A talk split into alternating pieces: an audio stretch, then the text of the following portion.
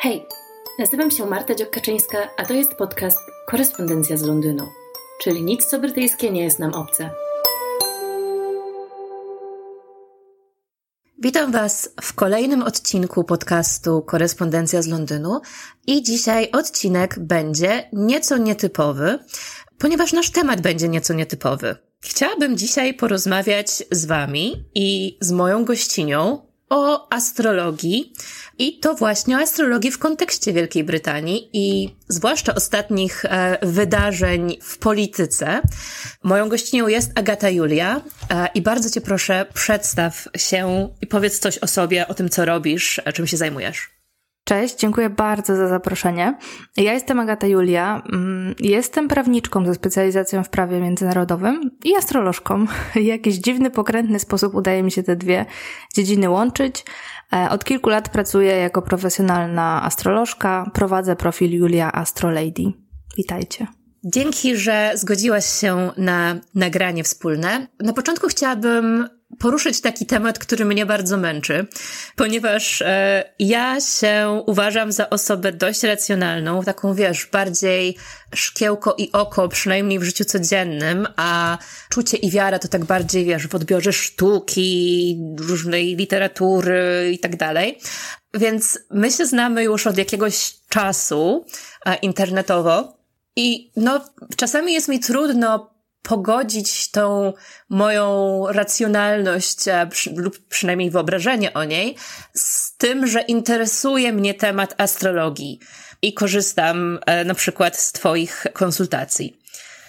Wiem, że chyba Ty czujesz podobnie, a jednocześnie jesteś astrolożką. Chciałabyś, e, chciałabyś powiedzieć na ten temat coś może?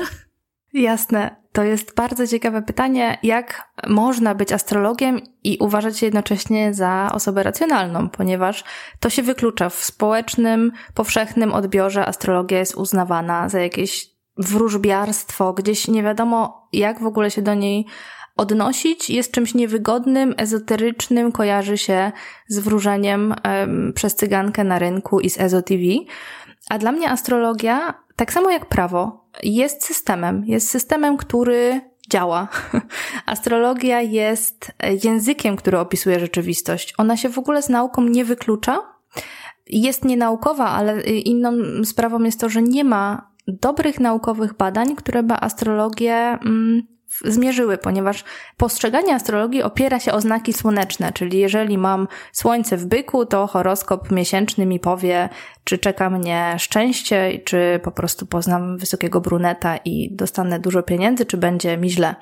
E, zupełnie nie tym jest astrologia. To jest bardzo złożony system, trochę jak matematyka, który działa, tylko trzeba go poznać na dość zaawansowanym poziomie, żeby zobaczyć, jak dobrze i trafnie astrologia może być wykorzystywana do opisywania rzeczywistości. I nie tylko do wróżenia, wręcz w ogóle bym powiedziała, że astrologia nie służy do wróżenia e, ani do przewidywania przyszłości. Ona co najwyżej można było, byłoby powiedzieć, że e, jest jak prognoza pogody. To jest najbliżej, e, z czym mi się astrologia w tym kontekście predykcyjnym kojarzy. Zgadzam się z tym podejściem i, i wydaje mi się, że to jest właśnie takie fajne, codzienne wyjaśnienie tego, dlaczego ja na przykład korzystam z astrologii. No bo jeżeli, tak jak mówisz o prognozie pogody, jeżeli wyjdziesz z domu i nie weźmiesz parasola, no to to jest twój problem, tak? Prawdopodobnie nie będzie to koniec świata, ale e, coś tam się stało. Mm, czyli na przykład słynna retrogradacja Merkurego, która już stała się trochę memem e, w internecie, e, to po prostu na przykład okres, kiedy wiesz, że może coś się wykrzaczyć. Nie musi, ale może. Więc jeżeli się na to przygotujesz, tak z tym parasolem, no to generalnie jest lepiej dla ciebie, tak? Ale jeżeli na przykład nie wiesz nawet, że retrogradacja Merkurego ma miejsce, to nie znaczy wcale, że, nie wiem, wpadniesz pod autobus od razu, tak? E, więc myślę, że to jest, to jest bardzo fajne wyjaśnienie. A jeżeli jesteśmy już właśnie przy astrologii w polityce, to nie oczekuję tutaj od ciebie żadnego wykładu historycznego, ale chyba jesteśmy świadomi tego, że politycy, władcy, ludzie rządzący światem od właściwie setek, jeśli nie tysięcy lat korzystali z astrologii przy podejmowaniu decyzji i słuchy krążą, że korzystają z tego do dzisiaj. Tak, w tym środowisku e, astrologicznym. Ja jestem w trakcie certyfikacji astrologicznej w szkole, która jest londyńską szkołą, więc są tam praktycznie sami Brytyjczycy, którzy z tego, co mi wiadomo, oczywiście bez nazwisk, ale też współpracują, czy, czy robią konsultacje dla osób, e, no nie, nie chcę mówić, że z rodziny królewskiej, no ale gdzieś tam osób wysoko postawionych w, w, w społeczeństwie brytyjskim. I tak, i mówi się o tym, że, że rodzina królewska chociażby z astrologii korzysta. I to zresztą widać, jak popatrzymy sobie na daty koronacji czy inne ważne momenty. Te momenty są nieprzypadkowe astrologicznie. E, jak się ten język zna, to można go zrozumieć. Jeszcze może trochę wracając do poprzedniego pytania, e, chciałabym coś dodać, mówiąc, że astrologia kompletnie nie jest kwestią wiary to jest język, który albo znamy i potrafimy się nim posługiwać, albo nie. Więc jak popatrzymy na ważne momenty, właśnie jak na przykład koronacja króla już e, Karola, to, to, to jest bardzo nieprzypadkowe astrologicznie, więc można się zastanawiać, czy faktycznie gdzieś tam astrologowie byli w to zaangażowani, a z tego co mi wiadomo, tak. To jest też e, wiedza powszechna, że e, świętej pamięci Diana miała regularnie swoją, nie wiem czy to była pani czy, czy pan, mhm. ale swoją osobę, która no, zajmowała się astrologią dla niej. A w ogóle na pomysł tego odcinka wpadłam, kiedy e, w takiej luźnej jakby rozmowie przez internet powiedziałaś mi właśnie o tym, że przerabiałaś na zajęciach roszady w brytyjskiej polityce, czyli um, myślę, że dla tych, którzy obserwują wiadomości brytyjskie, to um, będzie oczywiste, ale um, dla wszystkich, którzy tak są bardziej pobieżnie zaangażowani w ten temat, przetasowania miały dość e, spore miejsce e, w zeszłym tygodniu chyba przynajmniej w momencie, kiedy nagrywamy ten odcinek w zeszłym tygodniu, w, to się nazywa kabinet, czyli po prostu w, wśród ministrów w rządzie e, Rishiego Sunaka konserwatywnym rządzie. E, I mnie to bardzo e, zaintrygowało, w jaki sposób rozmawia się właśnie o takich, o takich sprawach. Właśnie na co się wtedy patrzy? Czy, czy patrzyliście na indywidualne prognozy, czy patrzyliście na bardziej jakieś ogólne, krajowe? A jeżeli tak, to w jaki sposób?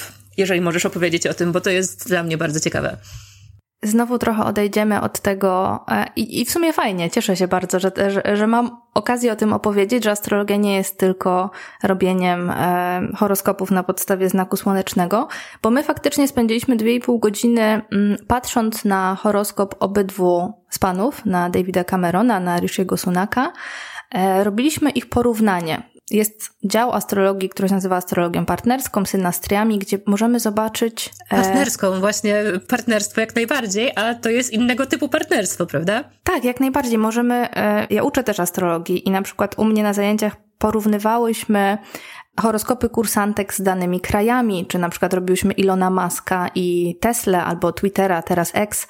Ta astrologia porównawcza działa nie tylko y, między dwiema osobami i nie tylko w, w kontekście relacji partnerskiej, więc tutaj jak najbardziej można było e, sobie popatrzeć na dynamikę ich relacji. Z takiego horoskopu można sporo wyczytać, właśnie co jeden drugiemu daje, dlaczego, dlaczego być może postanowili wejść w jakąś współpracę. Można też robić e, prognostykę dla horoskopu partnerskiego. E, także tutaj na, naprawdę dwie i pół godziny, e, bite dwie i pół godziny o tym rozmawialiśmy. Czy chcesz konkretów? Tak, tak, bardzo chętnie. Zobaczymy później, będziemy mogli e, z perspektywy czasu zobaczyć, czy oni to wykorzystali, to co perspektywicznie mieli w swoich e, energiach, tak to nazwać mogę? Może być.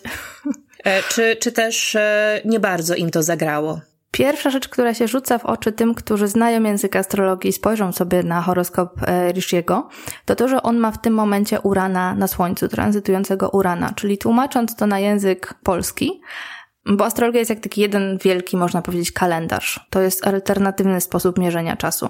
Czyli on jest w momencie, kiedy być może będzie podejmował nieprzewidywalne, rewolucyjne, zaskakujące działania.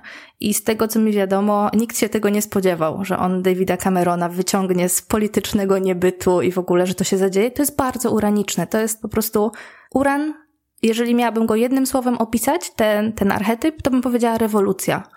Więc samo to dla mnie jest takie bardzo, bardzo ciekawe. E, a jak popatrzymy sobie na, na, na horoskop porównawczy, w tym horoskopie kompozytowym, czyli takim, który to już jest wyższa szkoła astrologicznej jazdy, ale tym takim, który powstaje z połączenia dwóch horoskopów, najciekawszą dla mnie rzeczą jest Neptun na Imumseli. Znowu, tłumacząc to, można by było powiedzieć, że Imumseli jest tym miejscem horoskopu, które mówi o naszych korzeniach, o tym skąd przychodzimy, a Neptun jest archetypem związanym z jakąś iluzją, z jakąś niepewnością, z jakimś zamgleniem. Więc patrząc na ten horoskop, w pewnym sensie można by było mieć wrażenie, że oni sami nie są pewni źródła tej relacji. Dlaczego oni w ogóle weszli w jakąś współpracę, a ta oś imum celi łączy się z osią medium celi, która mówi o tym, do czego dążymy i ta niepewność, ta pewna iluzja, to takie neptuniczne zamazanie, że tak trochę nie wiadomo o co chodzi, przekłada się, e, można by ją było przetłumaczyć też na to, że nie wiadomo, oni sami być może nie, do, nie mają stuprocentowej pewności, dokąd oni razem zmierzają. Nie wiem, czy to ma sens dla ciebie jako kogoś, kto jest nieastrologiczny? Tak, i zdecydowanie ma sens też e, w tym, jak oni są odbierani, ponieważ e, ta decyzja e, została odebrana jako absolutnie, jakby to powiedzieć, żeby nie, nie odwołać się do analogii z czterema literami, skąd ona jest. Mm-hmm, została uznana za, za niedorzeczną. Nagłówki w prasie były typu, że jeżeli właśnie wyciągasz Davida Camerona jako swoją tajną broń, to znaczy, że masz poważne problemy. I, I że no generalnie, że e, Rishi Sunak jest, e, jest przegrany, że nie czeka go za, za dużo dobrego w przyszłych miesiącach czy, czy latach. Wybory powinny się odbyć, zdaje się, najpóźniej jakoś na jesieni przyszłego roku, ale teraz prasa podejrzewa, że, że będzie to szybciej. Podejrzewają, że wybory będą w maju. To ja mam jeszcze taką astrologiczną ciekawostkę a propos tej ich relacji. Co, co tutaj widać? Widać w pewnym sensie, że Cameron w jakiś sposób pomaga Sunakowi zostać liderem, że w jakiś sposób robi taki empowerment, mm, jak to powiedzieć po polsku, dodaje mu mocy. O, niech będzie.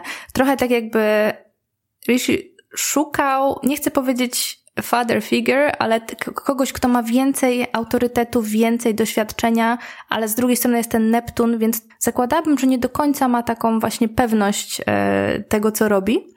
W tym ich horoskopie kompozytowym nie ma kompletnie wody, co można by było przełożyć na to, że to nie jest emocjonalny związek, tylko to jest związek oparty na jakimś konkretnym działaniu. Jest jakiś być może pomysł i jakaś akcja do zrobienia, bo tu jest dużo powietrza, dużo ognia. A odwołując się do tego, do tej przyszłości, chociaż powiedziałam, że astrologia nie służy do, do jej przewidywania, ale jak najbardziej opisuje tą prognozę pogody, to te zaćmienia, które będą, w ogóle kwiecień przyszłego roku, to jest do, absolutnie do obserwacji, co tam się będzie działo bo to zaćmienie słoneczne dokładnie wypada i na Księżycu e, u jednego i na Słońcu u drugiego. Retrogradacja Marsa, która w przyszłym roku, ona też dotyka ich jako, jako tego horosko horoskopu kompozytowego. I najważniejszy aspekt przyszłego roku, taki astrologiczny, e, wypada dokładnie na Słońcu e, Rishiego i moja nauczycielka powiedziała, że ona jest praktycznie przekonana, że w przyszłym roku ona by się bardzo zdziwiła, gdyby on jeszcze jakby zajmował stanowisko, które zajmuje w przyszłym roku. Ja nie posuwam się tak daleko, ale na pewno będę z wielką ciekawością obserwowała kwiecień przyszłego roku, bo tam tam coś astrologicznie jest. Na tej astrologicznej pogodzie widać, że jest jakaś zmiana, że coś tam się zadzieje. Więc ten przyszły rok wygląda naprawdę ciekawie, jeżeli chodzi o o ich horoskopy. A jeżeli chodzi o Camerona, czy jesteś w stanie powiedzieć, co on z tego wyciąga? No, oprócz tego, że oczywiście został z politycznego niebytu wyciągnięty, ale to jakby możemy powiedzieć bez żadnych dodatkowych narzędzi. Mhm. Skąd to się wzięło u niego? Wiesz co, nie, ja nie patrzyłam na jego tranzyty, więc nie będę tutaj wymyślać, ale tranzytujące węzły, szczególnie węzeł południowy, który mówi o tym, o przeszłości, już nie wchodząc w szczegóły. Węzeł południowy jest w znaku wagi, którym on ma ascendent, on ma tutaj Słońce um, i Wenus, czyli można było powiedzieć, że on jest bardzo powietrzny i chyba jest całkiem niezłym dyplomatą. I tak symbolicznie ten węzeł południowy, który, który jest w znaku wagi, można było powiedzieć, że jest sięganiem do przeszłości, tak dość dosłownie, i mhm. wyciąganiem tego, co najlepsze z tej przeszłości, żeby to zintegrować w tym, dokąd zmierzamy. Tak bym chyba to określiła.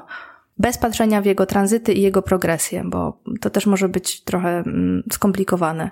Mnie się w ogóle wydaje, że on, tak znów bez, bez żadnych dodatkowych narzędzi, nie ma za dużo do stracenia e, w tej relacji, e, bo on był premierem, więc jakby, no już jak wyżej ciężko, żeby zaszedł w, w polityce, nie będąc, no nie wiem, monarchą, tak? Może, nie wiem, czy już został, czy zaraz zostanie, dostanie nadanie szlacheckie po to, żeby móc zasiadać w Izbie Lordów, ponieważ, e, żeby polityk mógł być ministrem, musi być albo e, member of parliament, albo w ogóle członkiem którejś izby, e, więc to będzie niezbędne, żeby on mógł po prostu tą funkcję pełnić, więc dostanie mm, tytuł który nie jest oczywiście dziedziczny, to jest tytuł honorowy dla polityka, który się szczególnie zasłużył, lub w tym wypadku jest po prostu szczególnie potrzebny.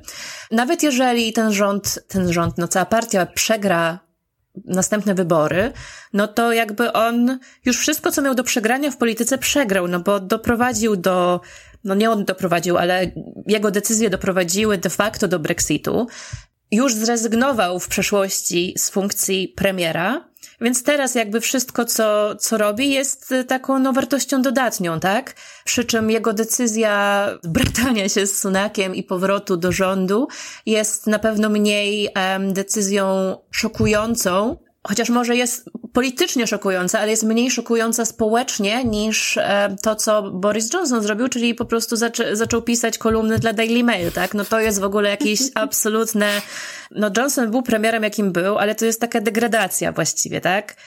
To jeszcze, żeby je pisać za Daily Mail, który jest po prostu znanym e, tabloidem, tak, najgorszego sortu tabloidem, takim prawicowym, ale nisko prawicowym, bo też wiadomo, że nie każda osoba o konserwatywnych poglądach jest nieprzyjemna, ale to jest taki najgorszego sortu prawicowy, uprzedzony tygodnik, który żeruje na tych uczuciach. No to jakby Cameron w tej sytuacji jest tylko zwycięzcą. Tak to widzę też. Nie wiem, czy to się jakkolwiek od, odbija w jego, w jego horoskopie. E, w zasadzie tak. I też patrząc na te relacje, można by było zakładać, e, że to on w pewnym sensie wygra więcej albo przejmie pierwsze skrzypce, można by było powiedzieć nawet w tej, w tej relacji. Są ku temu przesłanki. Może nie będę wchodziła w szczegóły, bo bo tak jak mówię, e, jak wam powiem o koniunkcjach tego z tamtym, to, to, to mhm. myślę, że, że, że nie każdy będzie wiedział o co chodzi, ale są przesłanki patrząc na ten horoskop porównawczy, że to Cameron jednak więcej wygra na tym, co się zadziało.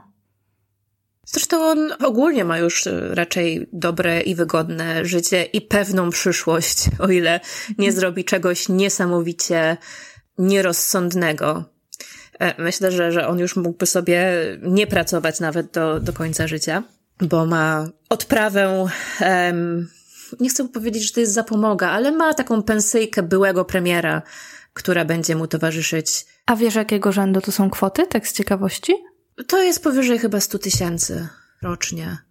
Nieźle. Także, no to jest taka, taka bardzo porządna pensyjka, nawet jeżeli to byłyby czyjeś e, jedyne dochody, no to to jest, no generalnie Na przeżycie wystarczy. Mhm. Czy za to się da w Londynie przeżyć? W sensie wiem, że mówiłaś tak. o tych kwotach, ale... Mhm. Tak, tak. E, da się, przy czym to nie było tylko 100, to było chyba 150, przy czym to jest dlatego, żeby on mógł wykonywać funkcje jakieś różne związane z tym, że on jest byłym premierem, czyli tam chyba różne podróże, czy ochrona i, i, tego typu rzeczy w to wchodzą. Nie wiem, jak to się rozlicza. Nie wiem, czy on musi przedstawić kwity na to, czy to jest po prostu wypłacane mu miesięcznie. Nie spojrzałam, e, szczerze mówiąc, w to, ale, ale to jest tego rzędu kwota. Natomiast wiadomo, że no, David Cameron nie będzie żył na poziomie, na którym żyje zwykły człowiek, tak, e, zarabiający sobie uczciwie pieniądze chodząc do pracy. Plus też jego żona pracuje i, i to zdaje się, że całkiem niezłe sukcesy w swoich różnych przedsięwzięciach e, odnosi. E, tam ona chyba nawet markę odzież, e, odzieżową ma swoją. Z pewnością nie są to jego jedyne dochody, jego i jego rodziny.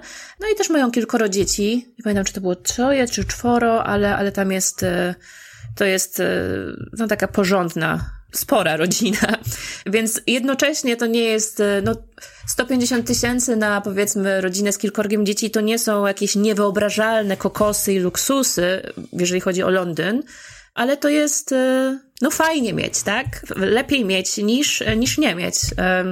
I, I na pewno da się z tego, da się z tego wyżyć. A teraz, no wiadomo, że jako minister to jeszcze będą kolejne e, kwoty dochodzić e, i była dyskusja w mediach, czy w takim razie, skoro on jest znowu aktywny, to czy ta kwota byłego premiera będzie mu należna i, i podobno będzie to częściowo zostawione, a częściowo, no wiadomo, będzie to zrewidowane, ponieważ e, będzie różne obowiązki pełnił obecnie.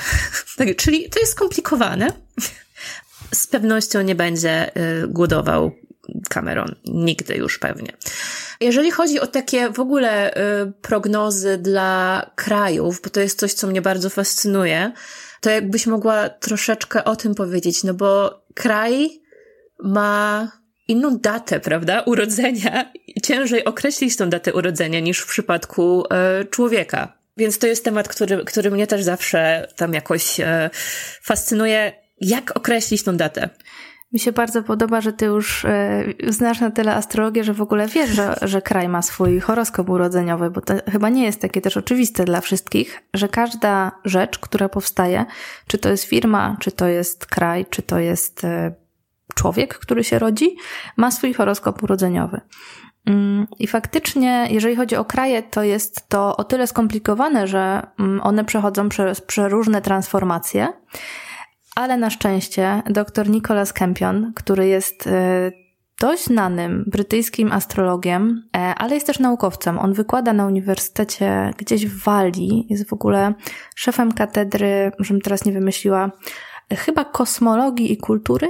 Zrobił taką kompilację, to się nazywa The Book of World e, Horoscopes, czyli książka, księga, nie wiem, książka horoskopów światowych wszystkich państw i on tam faktycznie zgromadził wszystkie państwa i uwzględnił poszczególne transformacje, poszczególne e, fazy i dla każdej z nich jest horoskop i on to opisał, dlaczego, jakby uzasadniając, dlaczego taka godzina, a nie inna.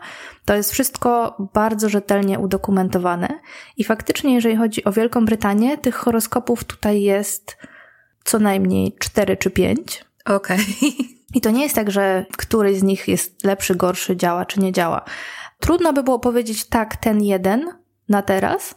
Najbardziej popularnymi e, jest ten horoskop z 1066 roku. Z... No właśnie, to byłby mój strzał, bo to jest jedyna taka pewna data, którą ja bym była w stanie podać. Mhm. I to jest horoskop, e, który najczęściej jest używany, tak samo jak ten z 1801 roku, kiedy e, mieliśmy do czynienia z Unią między Wielką Brytanią a Irlandią. I w obydwu tych horoskopach widać Brexit, widać zmiany władzy, tutaj mówię o, o, o królowej. Także te horoskopy są chyba najczęściej używanymi.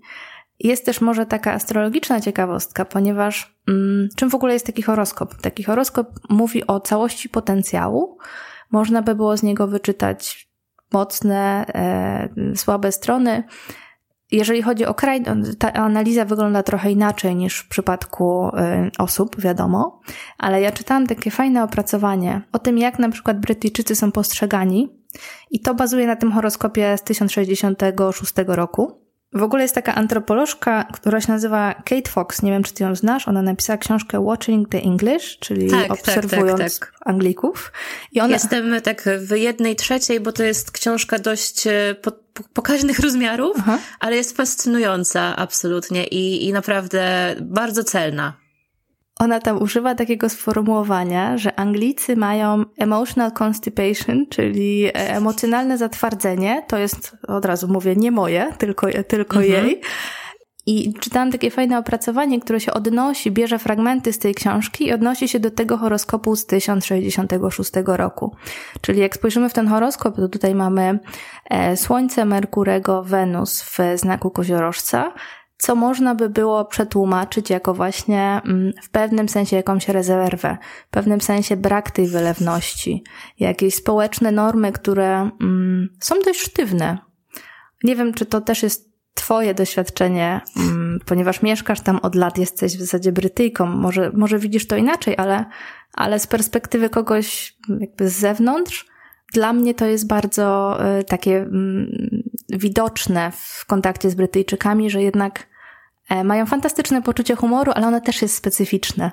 Mnie to strasznie rozbawiło teraz to, co powiedziałaś, e, że, że to jest koziorożec właśnie. Mhm. Zastanawiam się, czy, czy to jest jakiś powód, e, dla którego ja się tak dobrze tutaj czuję, bo mój mąż też jest słonecznym koziorożcem. Aha. I ja w ogóle mam takie ciągoty do postaci typu, no, Pandarsi, tak? Nie wiem, Pandarsi chyba jest dość koziorożcowy. Totalnie. E, jako archetyp, prawda? Że jest tam, jest tam miękkie wnętrze, wrażliwe, ale trzeba się przebić przez te, przez tą dumę i uprzedzenia. Totalnie tak. No tak, czyli, czyli generalnie wyjaśniałoby to właśnie, dlaczego, dlaczego ja się tutaj odnajduję i dlaczego ja się tutaj czuję dobrze. Tak, jest coś takiego, że no oni są na co dzień bardzo mili, tacy w sensie mili typu uprzejmi, mhm. żeby wszyscy się czuli wystarczająco dobrze, ale nie ma tej wylewności na pewno, z którą na przykład kojarzą się Amerykanie, prawda? Ja mam przyjaciela, który jest e, Amerykaninem i on mieszka i od lat studiuje mm, właśnie w Anglii i on do tej pory się nie może przyzwyczaić, bo on idzie i chce sobie z każdym pogadać, kupując kawę, tak wiesz, po amerykańsku, a tam jest ściana. Tam jest po prostu saturniczna, koziorożcowa ściana. I to jest, uwielbiam ale jednocześnie możesz e, powiedzieć coś do każdego, typu och, jaką mamy piękną pogodę i każdy prawdopodobnie ci odpowie, no może nie każdy, ale nie wiem, 95% osób spojrzy na ciebie, może się uśmiechnie, odpowie ci coś miłego i sobie pójdziecie w swoją stronę. Amerykanie lubią tak bardziej głębiej trochę, nie? Wejść ten, ten small talk jest taki bardziej skracający dystans. Brytyjski small talk jest taki bardziej um, na zasadzie okej, okay, wszystko jest spoko, tak troszkę nie jak ten, ten memiczny pies, który siedzi w płonącym pokoju, ale wszystko jest fajne, nie? Tak, tak, i popija herbatkę sobie.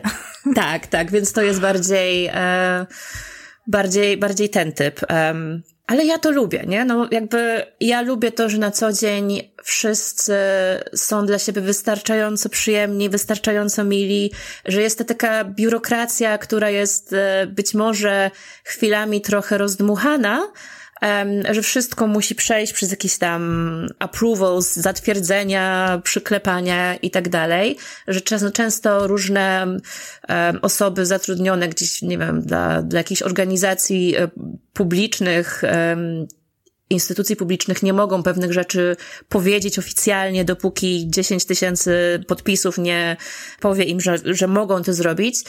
Z jednej strony właśnie ta tradycja tutaj się bardzo dobrze trzyma, ale ta tradycja ma pewne, no ma e, praktyczny wymiar, tak? Jest to, e, zapewnia pewnego rodzaju bezpieczeństwo, mhm. pewnego rodzaju ciągłość, a jednocześnie mimo że ta tradycja się trzyma, no to jest to kraj dość postępowy, jeżeli chodzi o obyczajowość, tak? No, na przykład już nikogo nie dziwią małżeństwa osób e, tej samej płci, czy to, że wychowują dzieci, to w ogóle jest absolutnie normalne i, jakby nikt nie miałby, nie, nie mówię, że nikt nigdy tego nie, nie krytykuje, ale to w dyskursie publicznym to już nie jest temat, mhm. bo to jest po prostu rzeczywistość i tego nie wypada nawet komentować, a jeżeli ktoś to komentuje, no to jest już takie, wiesz, takie, uff, mhm.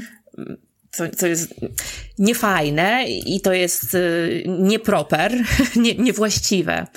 Nawet konserwatyści e, brytyjscy są e, bardziej postępowi pewnie ideologicznie niż rzekomo centrowe, idące troszeczkę bardziej na lewo partie, w, na przykład w, w Polsce, Polsce, tak? Mhm. Tak, tak, tak. A jednak no, da się przebić przez tą skorupkę. Trzeba się postarać um, i nie jest to zawsze bardzo łatwe, ale no mówię, tak jak z panem Darcy. Jak się podejdzie i się przebije przez tą skorupkę, jak się wystarczająco nafuka na siebie i się tam powie, że nie jest tam wystarczająco ładna, żeby mnie skusić, to potem się okazuje, że jednak, no, że jednak ten Brytyjczyk, czy Brytania, czy w ogóle to społeczeństwo dostrzega, że jednak masz piękne oczy, nie? I jednak można, można się odnaleźć i jakoś tutaj fajnie, fajnie poznać e, ludzi i, i zaprzyjaźnić się z nimi. U ciebie też jest taki astrologiczny twist, nie wiem, czy mogę o tym powiedzieć, ale chyba pisałeś no o tym na no. blogu, więc chyba może, chyba mogę. Mhm. Jakby jest taka metoda mm, astrologiczna, nazywa się astrokartografia, która mm, pokazuje, w których miejscach na Ziemi e, będziemy się czuć lepiej, w których gorzej. Mm, no, niech będzie, że tak, bardzo upraszczając. I ty pamiętam, że w Londynie, dokładnie przez Londyn przechodzi ci linia Wenus, więc naturalnie pokazuje to, że to jest miejsce, które coś dla ciebie dobrego ma, bo Wenus jest planetą beneficzną, tą, która się kojarzy z, z tym, co dobre. Więc mając tę linię Wenus, naturalnie e, można, było, można by powiedzieć, że astrologicznie jakbyś do mnie przyszła, ja bym cię nie znała, nie, nie wiedziała nic o tobie i zapytałabyś się, słuchaj, chcę się przeprowadzić, dokąd mam jechać, to bym powiedziała, no spróbuj, spróbuj Wielką Brytanię, spróbuj Londyn. Więc tak jak mówiłam, ten język astrologiczny też jest w stanie tutaj e, coś podpowiedzieć, jeżeli chodzi o mapę świata i w których miejscach tak, a w których może trochę mniej. To jest też e, super ciekawe, bo ja sobie zrobiłam na tej stronie astro.com, e, tam chyba można wygenerować ten, ten diagram i ta linia przechodzi też przez Szkocję dla mnie. A, ale super. Tak, przez, przez Londyn, przez Szkocję i następny kraj to Islandia. Mhm. E, więc e, no nie dziwi mnie to, ale są jakieś cieplejsze kraje, przez które też przechodzi. Nie pamiętam już dokładnie, e, gdzie to było, ale, ale no, jest nadzieja, że gdzieś tam w ciepłym miejscu na świecie też bym się znalazła. Mnie to w ogóle fascynuje, bo ja mam na przykład straszne, strasznie jestem źle nastawiona do Rzymu po moim pobycie tam. Mhm. I na przykład, no, jedna z influencerek, które obserwuję, strasznie się zachwyca Rzymem i, i w ogóle taka zakochana, Rzym najlepszy i tak dalej. I właśnie zawsze zawsze, jak na to patrzę, to, to myślę sobie o tej astrokartografii, um, no że może jest w tym coś, bo ja na samo jakby no ja wiem, że to chodzi o moje doświadczenia, mhm. um, a nie o samo miejsce, tak? No bo miejsce jest piękne i w ogóle każdy inaczej odbiera, ale ja tam się czuję bardzo źle. Astrologia będzie pokazywała, e, no właśnie, to o, o tym, jaki rodzaj doświadczenia tam w danym miejscu nie chcę powiedzieć, że, że jakiego, jakiego rodzaju doświadczysz, bo to może jest za mocne, ale, ale w jaki sposób możesz to miejsce odbierać. To nie jest tak, że tam, jeżeli masz linię Saturna, to ten Saturn ci w tym Rzymie coś tam złego zrobi, to tylko i wyłącznie jest język, który opisuje, o, w tym miejscu tak, a w tym może trochę mniej. I to bardzo fajnie się sprawdza, jak ktoś szuka sobie miejsca na ziemi, chce się, nie wiem, przeprowadzić, kupić dom za granicą. Bardzo często z tego korzystam i, i chwalę sobie. Zawsze mam ochotę powiedzieć, jak ktoś mówi o emigracji, że być może nie czuje się gdzieś tam dobrze, że ej, a może to sprawdzić? um, ale to już wiesz, ta racjonalistka we mnie mówi, że nie, kurczę, jak ja to powiem, to, to będzie ktoś stwierdzi, że jestem jakimś oszołomem. Znaczy wiesz, no to jest coś, z czym ja się cały czas mierzę, bo no umówmy się, robiąc astrologię, ja jestem w kategorii oszołomów i mhm. chcąc, nie chcąc, mm, myślę, że dużo czasu minie, zanim w ogóle zaczniemy mówić o astrologii bez takiego obśmiewania. Bo ja też się uważam za racjonalną osobę. Ja wiesz, cały czas e, jakby piszę artykuły naukowe, robię research, jakby działam nie tylko w obszarze astrologii. Ja po prostu sprawdziłam na własnej skórze i nie tylko na własnej, że to jest system, który działa. Tylko i aż tyle. Aczkolwiek no domyślam się i wiem, że, e, że ciężko jest przekonać innych i ja też czasami jak spotykam nowe osoby, to nie mam tej śmiałości, żeby powiedzieć, że się astrologią zajmuję. Cały czas to we mnie e, gdzieś tam pracuje. Nie jest to takie dla mnie łatwe żebyśmy znowu mówili o astrologii poważnie, no bo myślę, że na przykład chociażby Henryk VIII traktował e, astronomię śmiertelnie poważnie, tak? Mm -hmm. Przy swoich e, różnych decyzjach. I nie tylko on zresztą przecież. Najróżniejsi władcy, nie tylko brytyjscy, tylko po prostu władcy przez cały okres trwania naszych cywilizacji korzystali z tego narzędzia. Ja to zawsze wychodzę z założenia, że jeżeli coś sprawia, że lepiej się czujemy, czy jakby łatwiej jest nam w życiu, i nie jest, nie wiem, typem rzeczy, która kazałaby nam zrezygnować z medycyny, żeby leczyć raka wpływem księżyca, mhm. to wszystkie te rzeczy są dla nas dobre, tak? No jeżeli ktoś ci mówi, że nie wiem, e, podążając za tym guru, e, oddając mu wszystkie pieniądze, dostąpisz zbawienia, no to jakby to nie jest fajne, to nie jest dobre i, i jakby absolutnie nie szłabym w tą stronę. Natomiast jeżeli astrologia powie ci, że możesz mieć gorszy miesiąc energetycznie, tak, czy możesz się gorzej czuć, no to jakby to yy, nie niszczy twojego życia, o. Tylko wiesz, z astrologią jest taki problem. Po pierwsze, dotknęłaś astrologii medycznej, która jest absolutnie do wywalenia dla mnie, z mojej perspektywy. To nie, nie, nie leczymy sobie raków ani innych przypadłości astrologiem, nie? Nie, no to jakby to wymyśliłam w ogóle. Nie wiedziałam, że coś takiego jest. Tak, tak, ale no jest coś takiego, astrologia medyczna. No ale wiesz, na przykład, nie wiem, witamina C zamiast, nie wiem, e, chemioterapii, tak? No, mm -hmm. no to, jest, mm -hmm. są te klimaty. Ja się trochę. z tobą jak najbardziej zgadzam. Um, to jest, to, jest, to jest jedna rzecz, której dotknęłaś. Inna jest taka, że astrologia, ponieważ w okresie oświecenia spadła do tych podziemi, ona jest kompletnie nienormowana w żaden sposób. Wiesz, ja o tym też mówiłam u siebie w podcaście, e, w tym odcinku, gdzie tłumaczę, jak w ogóle z prawniczki stałam się astrolożką.